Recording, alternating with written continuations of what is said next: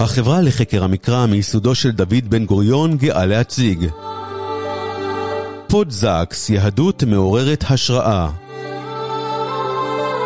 מסע בעקבות עולמו של הרב לורד יונתן זקס, זכרו לברכה.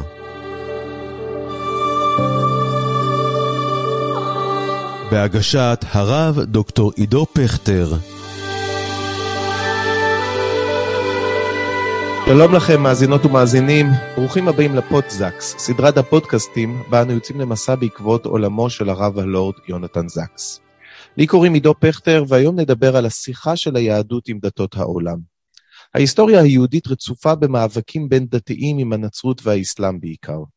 כתבים רבים בימי הביניים נכתבו במסגרת המאבקים הללו, ועד היום דתות העולם נתפסות כזרות ליהדות וכאיום עליה. אבל בכתבי הרב זקס אנחנו מוצאים גישה אחרת. במקום להיאבק מול דתות העולם ולשלול אותן, הרב זקס דווקא מציע שיתוף פעולה ביניהן. אנו יודעים שהרב זקס בעצמו היה שותף מרכזי בדיאלוגים בין דתיים שונים ברחבי העולם. השאלה היא, איך גישה כזו יכולה להתקיים בעצם? האם ייתכן דיאלוג בין דתי? האם יש ליהדות מה להתערם מדתות אחרות? אבקש לשוחח על הנושא הזה עם הרב גיא אלאלוף, רב קהילת דת ותבונה בראש העין. הרב אלאלוף מלמד תנ"ך, הלכה, קבלה ומחשבת ישראל, הוא מומחה ליחסי יהדות ונצרות, והנה הדבר המעניין, הוא גם מרצה לתנ"ך ותיאולוגיה יהודית במוסדות נוצריים מגוונים. שלום הרב גיא. שלום הרב עידו, מה שלומך? תודה. הוגים אתאיסטים נוטים להאשים את הדת שהיא גורם מרכזי למלחמות ולסכסוכים בין דתיים. ובאמת דת נתפסת כדבר שאיננו סובלני, הרי או שאלוהים התגלה למוחמד או שלא, או שישו הוא בן אלוהים או שלא, וגם אנחנו ביהדות, יש לנו י"ג עיקרים. אנחנו יודעים שצריך להאמין בנצחיות התורה, אי אפשר לקבל בעצם תורה אחרת וממילא דת אחרת. אני רוצה לשאול אותך, איך לאור הקונספציה הזאת של הדת, איך הרב זקס דווקא מצליח לנהל דיאלוג עם דתות אחרות? מה עומד מאחורי הגישה הזאת שלו? אני חושב שהרב זקס, הוא לפני הכל, לפני שהוא אה, ניהל שיח בין דתי, הוא היה תיאולוג. ואחד מהיסודות התיאולוגיים החזקים ביותר שלו, זה בעצם לבחון את מושג האמת מחדש.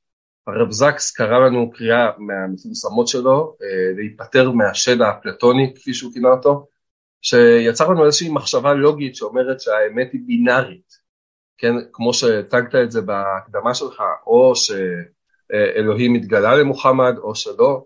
אה, הרב זקס לא, לא תפס את המציאות כך. הוא תפס את האמת כמשהו מדורג כמשהו יחסי כמשהו שאפשר להבין אותו מתוך הקשר חיי. ודווקא בגלל זה אין לי עניין לשלול דתות אחרות, כלומר האמונה שלי לא נגזר ממנה שלילה של כל האמונות האחרות, אלא ההפך, האמונה שלי יכולה אה, להכיל את המציאות שיש גם אמונות אחרות, והערך אמת או שקר שלהם הוא לא רלוונטי לגביי, הוא רלוונטי לגבי המאמינים שלהם.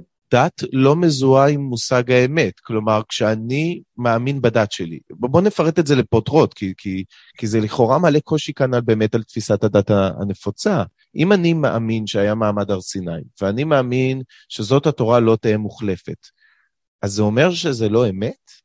לא, זה, זה אמת, אבל זה הסיפור שלי. יש פסקה מאוד מפורסמת של הרב זקס, שלאחר מכן אולי צונזרה, היה איזה סיפור סביבה, שהוא אמר שאלוהים מדבר עם המוסלמים במוסלמית ועם הנוצרים בנוצרית, אחרי זה הוא הסביר את עצמו שזה כבר השורש הזה נמצא ברמב"ם, והדברים מדברים בעד עצמם, כלומר, יכול להיות שאלוהים הוא יותר גדול ממני וממך, ואפילו יותר גדול מהדתות שלנו, ולכן השיח שלו עם האנושות הוא יכול לבוא בפריזמות שונות של דתות שונות.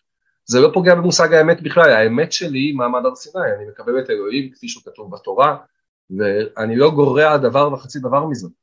אבל זה לא אומר שזה חייב להיות אמת אוניברסלית. הרב זקס עמד כל הזמן על הנקודה שהיהדות היא הדת המונותאיסטית היחידה שלא קורית בכל העולם להפך להיות יהודים. אין לנו איזה מיסיון אוניברסלי. אנחנו יכולים להכיל את הריבוי ואת הגיוון שיש בעולם, בניגוד לדתות אחרות שרואות את אה, כל האנושות כשייכת אה, לדת אחת, באידיאל. כן, אז, אז זה דווקא יוצר כאן ניגוד מעניין, כי אתה אומר בעצם, הרב זקס אומר שהאמת, כמו שאומר המדרש, אמת מארץ תצמח. כלומר, האמת זה לא מושג שיורד מלמעלה, אלא זה מושג שבעצם אה, דווקא האמונה המונותאיסטית היא דווקא זאתי שמסוגלת להצמיח את האמת מלמטה, מהריבוי שקיים והשוני שקיים בינינו, כן? אתה מכוון לספר שלו לכבוד השוני. כן, וזה, באמת מצמיח שיש דת יהודית שקיבלה את המסורת שלה, ויש את המסורת המוסלמית שמקבלת את המסורת שלה. עכשיו, למרות שאני כיהודי לא מקבל את עובדת היותו של מוחמד נביא אמת, אבל זה רק בגלל שאני כלוא בעצם בתוך הפרספקטיבה שלי, אבל יש בי יכולת להתבונן, כאילו לצאת מגבולות עצמי ולהבין שיש מסורת אחרת שמדברת בשפתה שלה, ולה יש מושג אמת אחר משלי. ואז זה, זה פרדוקס, כלומר, זה מצד אחד אני מכיר במה ששלי כאמת שלי, אבל מסוגל להגיד ולהכיר שיש גם אמת שהיא אחרת, מחוצה לי. זה, זה משהו, תכונה מאוד מורכבת שקיימת אצל האדם. הרב זקס עומד על הנקודה, הרב זקס, צריכים לזכור, היה גם פילוסוף מאוד מוכשר, והוא עומד על הנקודה שהפרדוקס נוצר כתוצאה מחשיבה אפלטונית. החשיבה האפלטונית אומרת שבעצם אם אני מאמין באלף, אז אני מאמין שהכל שקר חוץ מאלף. כלומר, האמונה שלי היא בלבדית, והרב זקס שולל את ההבנה הזאת של מושג האמת.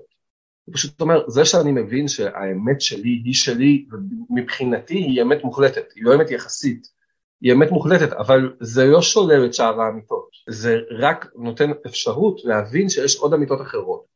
שהן לא שלי, ולכן אין לי שום ערך של אמת או שקר לגביהן. זה מעניין, אני, אני, אני זוכר שקראתי בספר שלו לרפא עולם שבור, אה, אני חושב ששם הוא אומר שאז מושג האמת מצטייר קצת אחרת, והוא אומר, מושג האמת שלי, אני דבק בעמדותיי, לא כי זו האמת האפלטונית, כי אין אולי אמת אפלטונית, אלא בגלל שזה הבית שלי. גם הרב שגר, אגב, במקום אחר התבטא באותה צורה. כלומר, אני דבק בעמדותיי כי זה הבית. כי זה מי שאני, כי זה הפרספקטיבה שלי, כי זה המסורת שלי, כי זה עולמי, והבית שלי לא סותר שיש גם בתים אחרים. בוא ניקח את זה צעד קדימה. מה קורה כאשר, אם כן, היהדות מתמודדת עם דתות שלא מחזיקות בקונספציה הזאת? הרי לדוגמה, הנצרות, בניגוד ליהדות, היא דת אה, מיסיונרית במהותה, גם האסלאם, הן דתות מיסיונריות. הן כן רוצות לכפות איזה שד אפלטוני, איזה אמת אחת על העולם, איך אפשר לנהל דיאלוג ומגע בין דת יהודית שלא מקבלת את השד האפלטוני, לבין דתות אה, כמו נצרות ואסלאם שכן אוחזות בו. הקושי הוא קושי אמיתי, ואני חושב שהרב זקס, במובן הזה, הוא היה מחנך גדול. וכשהוא עמד אל מול אנשי הדתות הללו, הוא בעצם הציב להם את התנאי הזה. התנאי שלנו הוא שאנחנו מתעלים מעל הדתות שלנו. אנחנו מחפשים את אלוהים ולא את הדת. אנחנו חייבים להפנים את העובדה שכשם שאני מבין שאלוהים הוא יותר גדול מהדת שלי, אלוהים יותר גדול מהיהדות, כך הוא גם יותר גדול מהנצרות ומהאסלאם, וזה התשתית שלנו לשיתוף פעולה פורה, פרספקטיבה של הסתכלות אחראית על העולם. Uh, כאנשים דתיים אנחנו יודעים שהעולם לא נברא אתמול, ולכן הוא לא הולך להסתיים מחר. ו- ומתוך כך אנחנו לוקחים אחריות על העולם שלנו. ובעצם אחריות היא פעולה קולקטיבית, היא פעולה משותפת.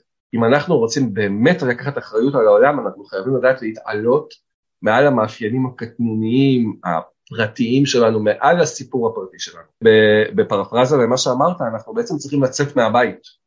יש לי את הבית שלי ואת האמונה שהוא הקנה לי, אבל אני צריך לצאת מהבית ולהיפגש עם העולם בכיכר העיר וברחוב.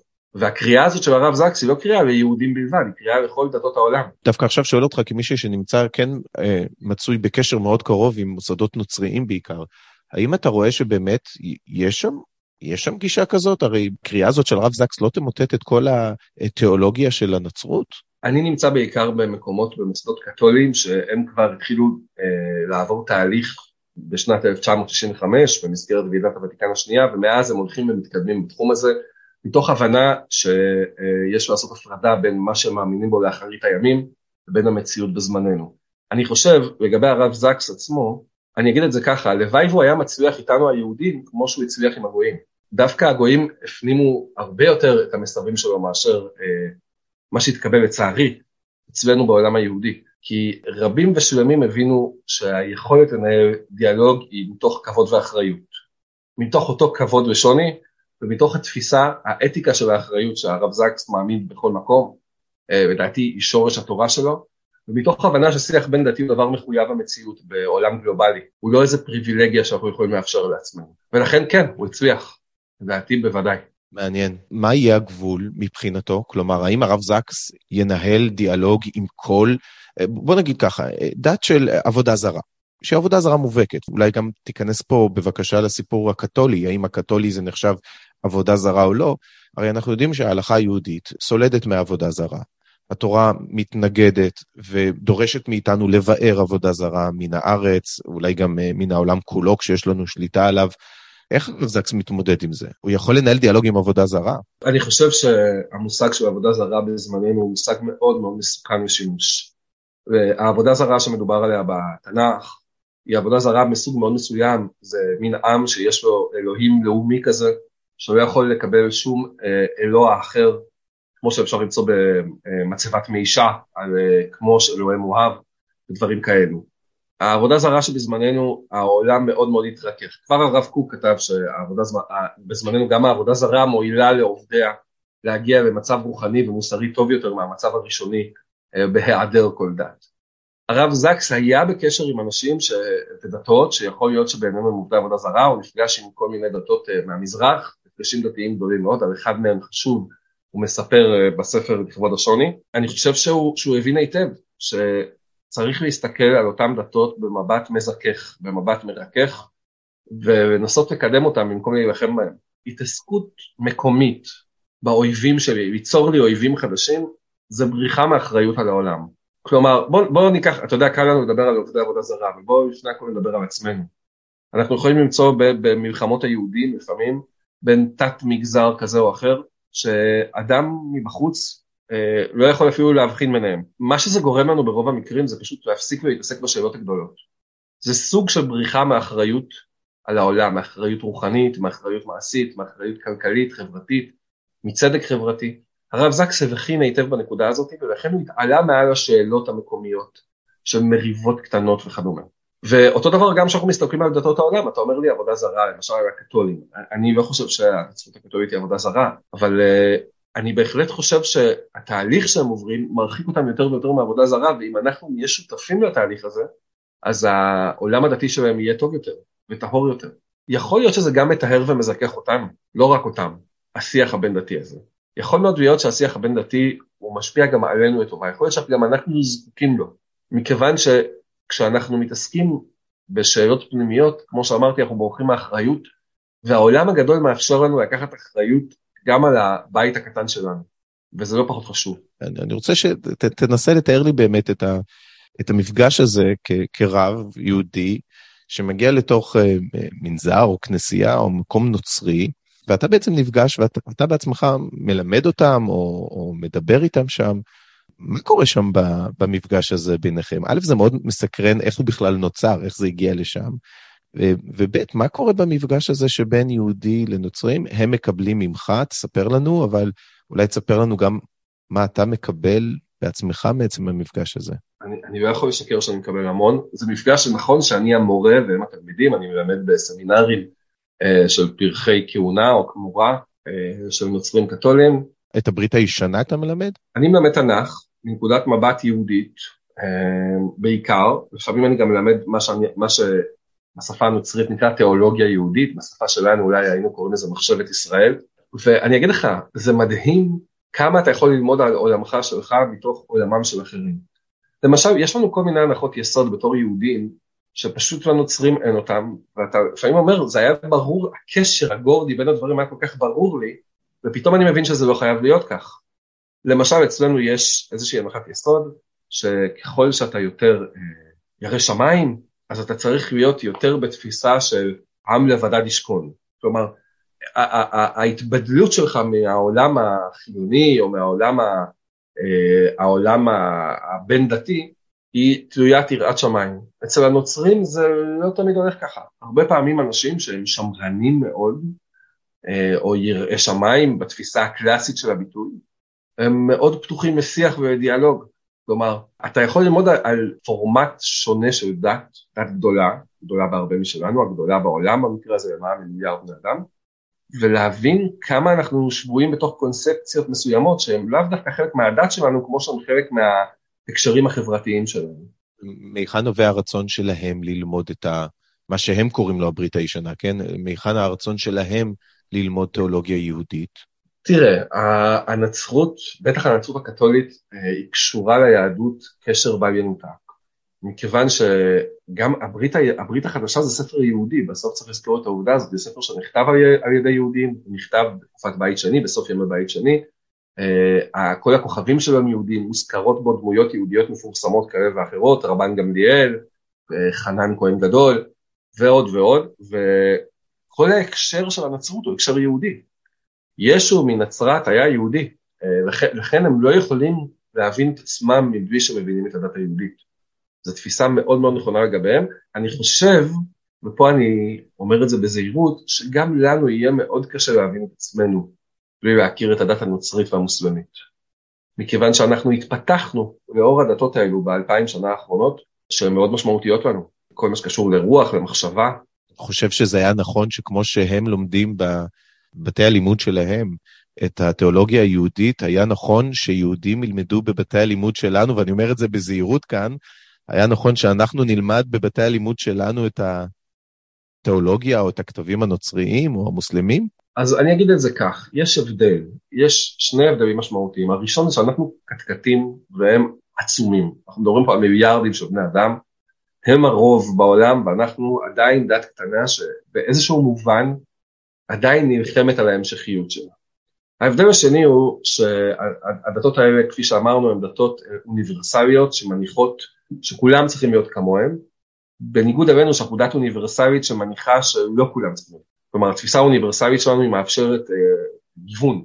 יחד עם זאת, אני אומר, אחרי שאמרתי את כל זה, אני בהחלט חושב שוודאי הרבנים, אנשי הרוח, רבניות, כל מי שעוסק בתחומי רוח ורוצה להיות מסוגל להכיר את העולם הרחב, לא יכול, אלא חייב להכיר את הדתות האחרות. אגב, זה גם יכול למנוע כמה מבוכות, לפעמים אני קורא, אני עוקב אחרי אה, כתיבה דתית בתחומים הללו, ולפעמים זה ממש מביך, הבורות היא נוראה. באמת, ההיכרות עם העולמות הנוצרים והמוסלמים, שזה עולמות שצריך לזכור שהם עוטפים אותנו, יש פה בארץ ישראל אה, מאות אלפי נוצרים ומיליונים של מוסלמים, אה, ההכרה עם הדתות היא, היא מעידה על בורות נוראה שאין ספק שצריך לפתור אותה. נסכם את מה שבעצם הרב זקס אומר ואת השיחה שלנו, בעצם הוא דורש שינוי פרדיגמה. כלומר, כפי שאמרתי מקודם, גם זה עולה מן המקרא, אבל גם הרמב"ם מסביר ככה את היהדות, גם אצל חז"ל, שכל הכופר בעבודה זרה נקרא יהודי, כלומר, זה נראה כאילו הדת היהודית התעצבה כאנטיתזה לאלילות שהייתה קיימת, ולכן זה תמיד עמדה שהיא לעומתית, על בחוקותיהם לא תלכו, אל תעשו כתועבות הגויים ההם, תתרחקו ממהם, לבאר את כל uh, עבודה זרה שקיימת בעולם, ותמיד אנחנו נמצאים בעדה שהיא או מתגוננת, או תוקפת, או מתבדלת. ובעצם בעידן המודרני, הרב זקס אומר לנו, תפתחו פרדיגמה דתית חדשה, שהיא לא uh, לעומתית, אלא אחת שפותחת את הידיים ואומרת, אני נכונה לדיאלוג ולשיתופי פעולה, כדי שמתוך השוני ודווקא מתוך המגוון הזה שבינינו, אנחנו אה, נוכל להתעלות ולהגיע למקום, אה, למקום גבוה יותר.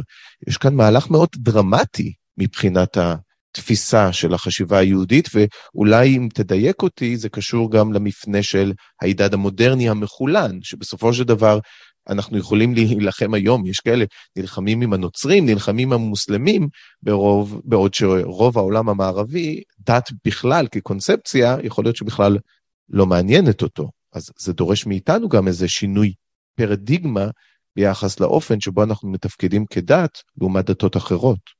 חד משמעית, אני רק חושב שהרב זקס ראה עוד מעבר לכך. הרב זקס חיפש את הגרעין של היהדות. הגרעין השורשי ביותר, והוא מצא אותו בקריאה אה, של הקדוש ברוך הוא לאברהם אבינו לצאת לדרך ולקחת אחריות על העולם. אברהם אבינו הוא, הוא המחנך הראשון, הוא היחיד שכתוב עליו בתורה שהוא מחנך, הוא האדם שלוקח אה, אחריות. זה אברהם, זה משה וזה הרב זקס. הרב זקס אומר אנחנו חייבים לקחת אחריות, אחריות היא, פה, היא פעולה קהילתית, היא פעולה קולקטיבית. היא פעולה שכופרת בדטרמיניזם של העולם, בדטרמיניזם הכלכלי, בדטרמיניזם שחייב להיות מעמדות וסבל ורוע. הוא אומר, אין לנו שום יכולת לנצח את הכביכול דטרמיניזם הזה אם לא נתאחד, אם לא ניקח קהילות קהילות של אנשים ונתאחד אל מול זה. ולכן, לדעתי השיח בין דתי הוא הכרח שנובע מתוך התיאולוגיה הבסיסית של הרב זקס. כלומר, אני מאוד מקווה שיזכרו את הרב זקס בסוף כתיאולוג של שיח בין דתי ולא רק כאחד שקיים שיח בין דתי. האם לדעתך הדיאלוג הזה באמת אה, יכול אה, לקדם גם את העולם שלא מתעניין בדתות? בוודאי, קודם כל זה נותן, זה נותן ממש אה, נקודת אור, אנשים שרואים את זה, אני, זה קרה לי, אני יכול לספר מאות סיפורים כאלה על מפגשים שאנשים לא דתיים שנתקלו במפגש שלי עם אחד מכהני הדת הקתולים, בדרך כלל דרך מקרה, שהולכים ביחד ברחוב או יושבים באיזה מקום, אומרים וואו, אפשר גם אחרת. מבחינתם אנחנו מסמלים את הפירוד, אנחנו מסמלים את האלימות, את התוקפנות, את ההתבדלות, ופתאום הם רואים שאפשר גם אחרת, ובאופן טבעי זה מעורר השראה, זה מעורר שאלה, אולי באמת הדת יכולה להיות לא רק הבעיה, אלא גם הפתרון. בוא נפנה לספר נוסף של הרב זקס, לא בשם האל, אז איך בכל זאת הוא מסביר את האלימות הגואה? כי היום אנחנו רואים, אה, יש אסלאם קיצוני וג'יהאד, ויש, אה, דורשים מאיתנו לזכור את מה שהנוצרים עשו לנו לאורך הדורות, ואת האינקוויזיציה, ואת אולי ההימנעות שלהם מהצלת היהודים במלחמת העולם השנייה וכדומה. בכל זאת יש אלימות דתית בעולם, אי אפשר להתכחש לכך. אז אז איך מסבירים את זה? איך הרב זקס מתמודד עם זה? האלימות, לפי הרב זקס, היא לא חלק אינטגרלי מהדת. היא נטע זר לדת, והיא מציינת איזה שהם יסודות מאוד פונדמנטליסטיים, שבעצם אה, יכולים להתפרץ בכל חברה. בחברה הדתית יש להם קרקע פוריה, כי יש סיפור גדול, יש מעטפת, יש קדושה, ולכן הסיפורים האלה מתפרצים דווקא שם, אבל אני חושב שאם הייתי צריך לקחת את הרב זקס ולתמצת את התפיסה שלו לגבי פונדמנטליזם דתי בשתי מילים, אני חושב שהוא היה אומר יצר הרע. פונדמנטליזם דתי זה יצר הרע. זה חוסר היכולת שלך להיות מלא סיפוק מחיי האמונה והקהילה שלך, שמכריח אותך אה, לפעול כנגד אחרים. אנחנו מכירים את זה הרבה פעמים, שהשלילה שה, נובעת מחוסר היכולת להתמודד עם מה שאני, מחוסר ביטחון במי שאני. ולכן הרב זקס באמת קרא תיגר על התפיסה הזאת, הוא ממש נלחם בה. כלומר, האלימות הדתית היא לא אה, דבר שצומח באופן אינהרנטי מתוך, אה, מתוך הדת, אלא פשוט זה, הדת מייצרת קרקע נוחה של, כמו שאתה אומר, סיפור, של קהילה, של אה, רגשי דבקות, שברגע שנכנס לפה איזה מרכיב זר של, כמו שאתה אומר, חוסר ביטחון, יצר הרע, אז יש שם קרקע יותר נוחה למרכיב הזה להתפתח ו- ולבטא את עצמו בעצם. חד משמעית. כלומר, תשים לב שדת שמצרפים אותה ללאומיות, היא הרבה פעמים נהיית הרבה יותר אלימה מאשר סתם אנשים לאומנים, או מאשר סתם אנשים דתיים. המרכיב הזה של הלאומיות מאפשר לדת לפרוץ באיזשהו מבע מאוד אלים שלו. קריאה של הרב זקס שמחבר אותנו גם להשקפות שונות שלו, בין היתר על דת ומדינה, דת ופוליטיקה, זה בעצם לקחת את הדת ולהחזיר אותה למקום הטהור שלה, כלומר לנטרל אותה ממוסדות הכוח, אה, לנטרל אותה מהמקומות שבהם אה, אפשר להפעיל כפייה ויש אה, ביטוי של ערכים שיכולים לקחת אותי למקום לא טוב, ולהשאיר את הדת בעצם במקום הטהור שלה, כך זה הסיכוי בעצם שייווצר גם חיבור ותיווצר יותר סובלנות, ייווצר יותר מפגש בין uh, דתות העולם ובכלל בין אנשים, מה שיפחית את הפונדמנטליזם הדתי. בדיוק, זה שחרור הדת בעצם. זה יהיה הביטוי הנכון לדעתי. שחרור הדת מהמדינה, מהמוסדות המדיניים, ממרכזי הכוח. מה קורה במרחב השיח בין דתי היום uh, של מדינת ישראל, uh, בכלל כמדינה וגם כחברה יהודית? יש משהו אנחנו יודעים שבחוץ לארץ יש, מתקיים, והדיאלוג הבין-דתי זה העסיק מאוד את האורתודוקסיה המודרנית בארצות הברית, ודיונים, הרב סולובייצ'יק שסירב, ותלמידיו שכן נטו, אבל שם זה היה באמת, היה בזה עניין, היה, זה היה אישיו.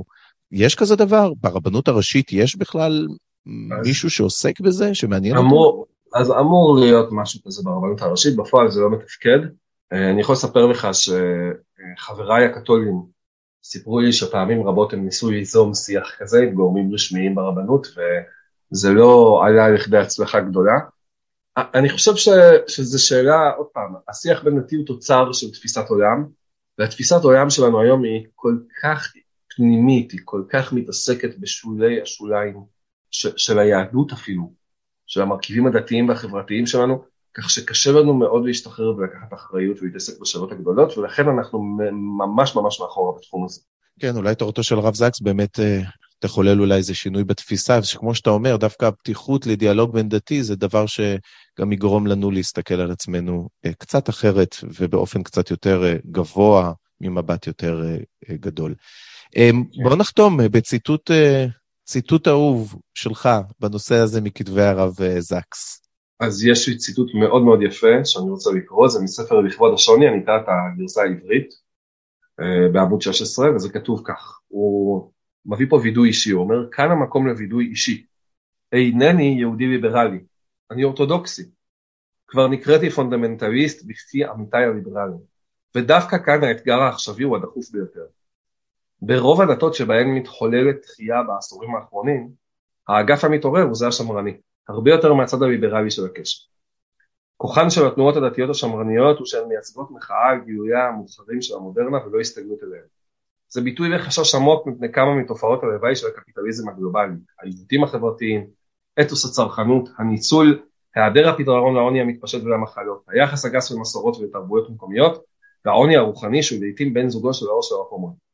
הדת בצורתה נוגדת המודרניות, ולא בצורתה המודרנית, היא שמגייסת כאן את מירב המאמינים, ובמגרש שלה צריך להיערך הקרב על סובלנות, על דו-קיום ועל אי אלימות. הרב גיא אלאלוף, תודה רבה שהיית איתנו בפרק הזה בו עסקנו בשיחתה של היהדות עם דתות העולם. תודה לך הרב עידו, תודה שהזמנת אותי.